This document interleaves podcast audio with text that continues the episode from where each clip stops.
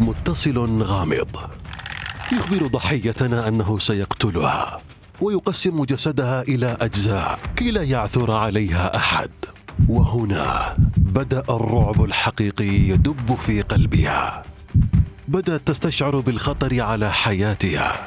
من ذلك الشخص المهووس الذي يتتبعها دون أن تعرف من هو. ولماذا يريد ايذاءها هذا ما سنتناوله اليوم في قصة دورثي جين والمتصل الغامض. هذا البودكاست للكبار فقط. نظرا لما يحتويه على أمور قد لا تناسب البعض. أنا عبد العزيز الخمعلي وأقدم لكم بودكاست ضد مجهول. وتذكروا دائما أن تقييمكم للبودكاست وتعليقاتكم المفضلة هي من تدفعنا إلى الأمام وإلى الحكاية. دورثي جين سكوت. هي أم عازبة تعيش مع ابنها الصغير ذو الأربعة أعوام في ولاية كاليفورنيا. تعمل سكرتيرة في مجموعة تجارية وكانت كما يصفها أصدقاؤها مسالمة وملتزمة دينيا. تحب المكوث بالمنزل ولم تكن تتناول المخدرات أو الكحول. كانت تعيش حياة عادية وهادئة إلى أن بدأت تتلقى مكالمات غامضة وغريبة من رجل ما. كان ذلك الرجل المجهول يخبرها أحيانا بأنه يحبها ومهووس بها وأحيانا أخرى يهددها بالخطف والقتل. لكن أكثر ما يرعب في الأمر هو أن ذلك الشخص بدأ يخبرها بأمور خاصة وكأنه كان يعيش معها ويعرف كل تصرفاتها وتفاصيل حياتها حتى أنه أخبرها في أحد المكالمات ماذا كانت ترتدي من ملابس. وفي مكالمة أخرى قال بأنه وضع لها هدية أمام منزلها. فخرجت دورثي مسرعة ووجدت زهرة ذابلة موضوعة على زجاج سيارتها. دورثي أخبرت أمها بأن الصوت ليس غريبا عنها، وهي متأكدة أنها سمعت الصوت سابقا، لكن لا تتذكر أين ومتى ومن هو صاحبه. ومع مرور الأيام أصبحت المكالمات الهاتفية مخيفة أكثر. وفي أحد المرات أخبرها ذلك المتصل الغامض أنه سيقتلها ويقسم جسدها إلى أجزاء كي لا يعثر عليها أحد. وهنا بدأ الرعب الحقيقي يدب في قلب دورثي. بدأت تستشعر بالخطر على حياتها من ذلك الشخص المهووس الذي يتتبعها دون أن تعرف من هو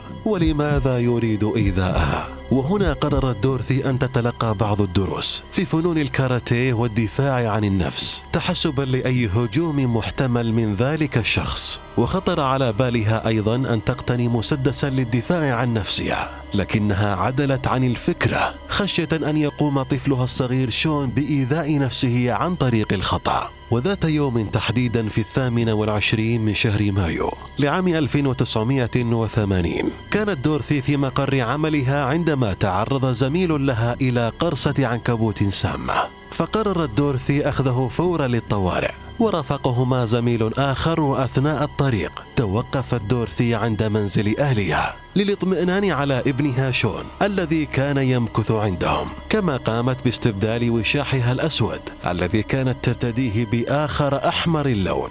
بعد الوصول إلى المستشفى قام الأطباء بمعالجة الزميل المصاب بإعطائه العلاج اللازم وقد طال مكوثه للتأكد من استقرار حالته. كل هذا ودورثي والزميل الآخر ملازمان له لم يفارقه. أخيرا عند الساعة الحادية عشر ليلا سمح الأطباء للمصاب بمغادرة المستشفى. وأثناء خروجهم طلبت دورثي من زميليها أن ينتظرا قليلا ريثما تحضر سيارتها التي كانت موجودة في موقف المستشفى. الزميلان انتظرا عند بوابة الخروج عدة دقائق. وفجأة ظهرت لهم سيارة دورثي وكانت متجهة نحوهما. في حقيقة الأمر هما لم يستطيعا رؤية من يقود لأن الأضواء الأمامية كانت مشتعلة مما جعل رؤية السائق أمرا مستحيلا. لكنهما استغربا السرعة الجنونية للسيارة والأغرب أنها مرتهم من دون أن تتوقف لهم ثم مضت بعيدا. الأمر الذي أصاب الرجلين بالدهشة وجعلهما في حيرة من أمرهما ما الذي حدث يا ترى؟ ربما وقع أمر طارئ لابنها مما استدعى ذهاب دورثي بشكل سريع. هذا ما قاله لبعضهما. وعندما عاد الزميلان إلى منزليهما اتصل بدورثي للاطمئنان عليها. لكن دورثي لم تكن قد عادت للمنزل. الأمر الذي أثار استغرابهما وجعل عائلتها تشعر بالقلق الشديد فقاموا بإبلاغ الشرطة. بعد عدة ساعات من البحث عثروا أخيرا على السيارة وهنا كانت المفاجأة واللغز المحير.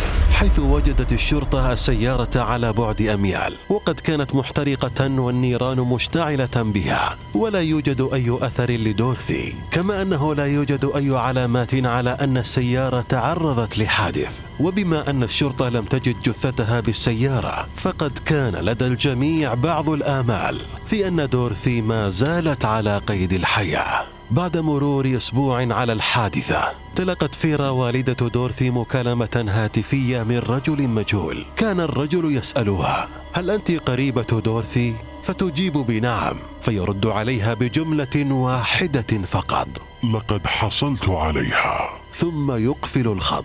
استمر هذا المتصل بنفس الطريقة كل يوم أربعاء لمدة أربع سنوات. وكانت الاتصالات لا ترد إلا حينما تكون فيرا وحدها بالمنزل. وفي يوم الثاني عشر من شهر يونيو لعام 1980 نشرت إحدى الصحف المحلية خبرا عن قضية اختفاء دورثي. وفي نفس اليوم اتصل رجل مجهول بالصحيفة وأخبرهم أنه هو من قام بقتل دورثي. وقال لقد قتلتها.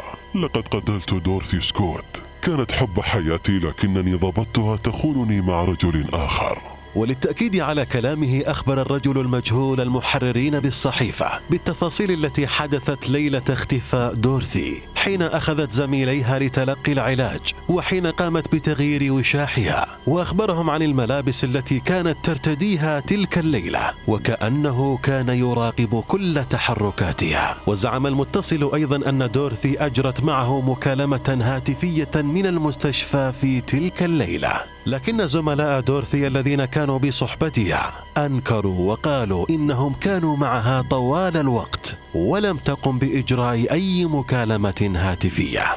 قد يتبادر إلى ذهنك عزيزي المستمع سؤال. أين الشرطة من كل هذه المكالمات؟ ولماذا لم يتم تعقبها؟ في واقع الأمر الشرطة راقبت هاتف منزل دورثي وعائلتها على مدار الساعة. وقامت بتسجيل جميع المكالمات لكن المشكلة أن القاتل كان لا يطيل الكلام ويقفل الخط سريعا مما يجعل مهمة تقفي أثر الاتصال امرا مستحيلا. وفي السادس من أغسطس من عام 1984 اكتشف أحد عمال البناء مصادفة على بعد أمتار من طريق سانتا آنا كانيون عظاما بشرية بالإضافة إلى عظام كلب. كانت العظام متفحمة ورجحت الشرطة إنها كانت موجودة في نفس المكان منذ عامين.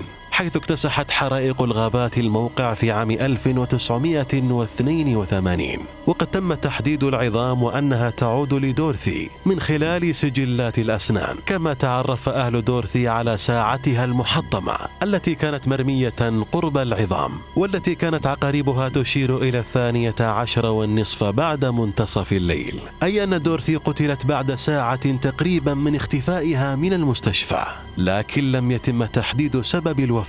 وبقي القاتل مجهولا طليقا لم يتم التعرف أو القبض عليه أبدا. ولا زالت هذه القضية إلى يومنا هذا. ضد مجهول. ما رأيك أنت عزيزي المستمع بهذه الحادثة؟ هل تظن أن هناك اناسا مهووسون فعلا بمراقبة الناس ومطاردتهم وإرعابهم؟ هل تلقيت أنت أو أحد معارفك اتصالا هاتفيا مزعجا أو مرعبا؟ أو هل تعرضت لمطاردة أو إزعاج من قبل شخص غامض مزعج؟ شاركوني آراءكم ومواقفكم عبر حسابنا في تويتر عبر حساب بودكاست ضد مجهول. وحتى الحلقة القادمة كونوا حذرين.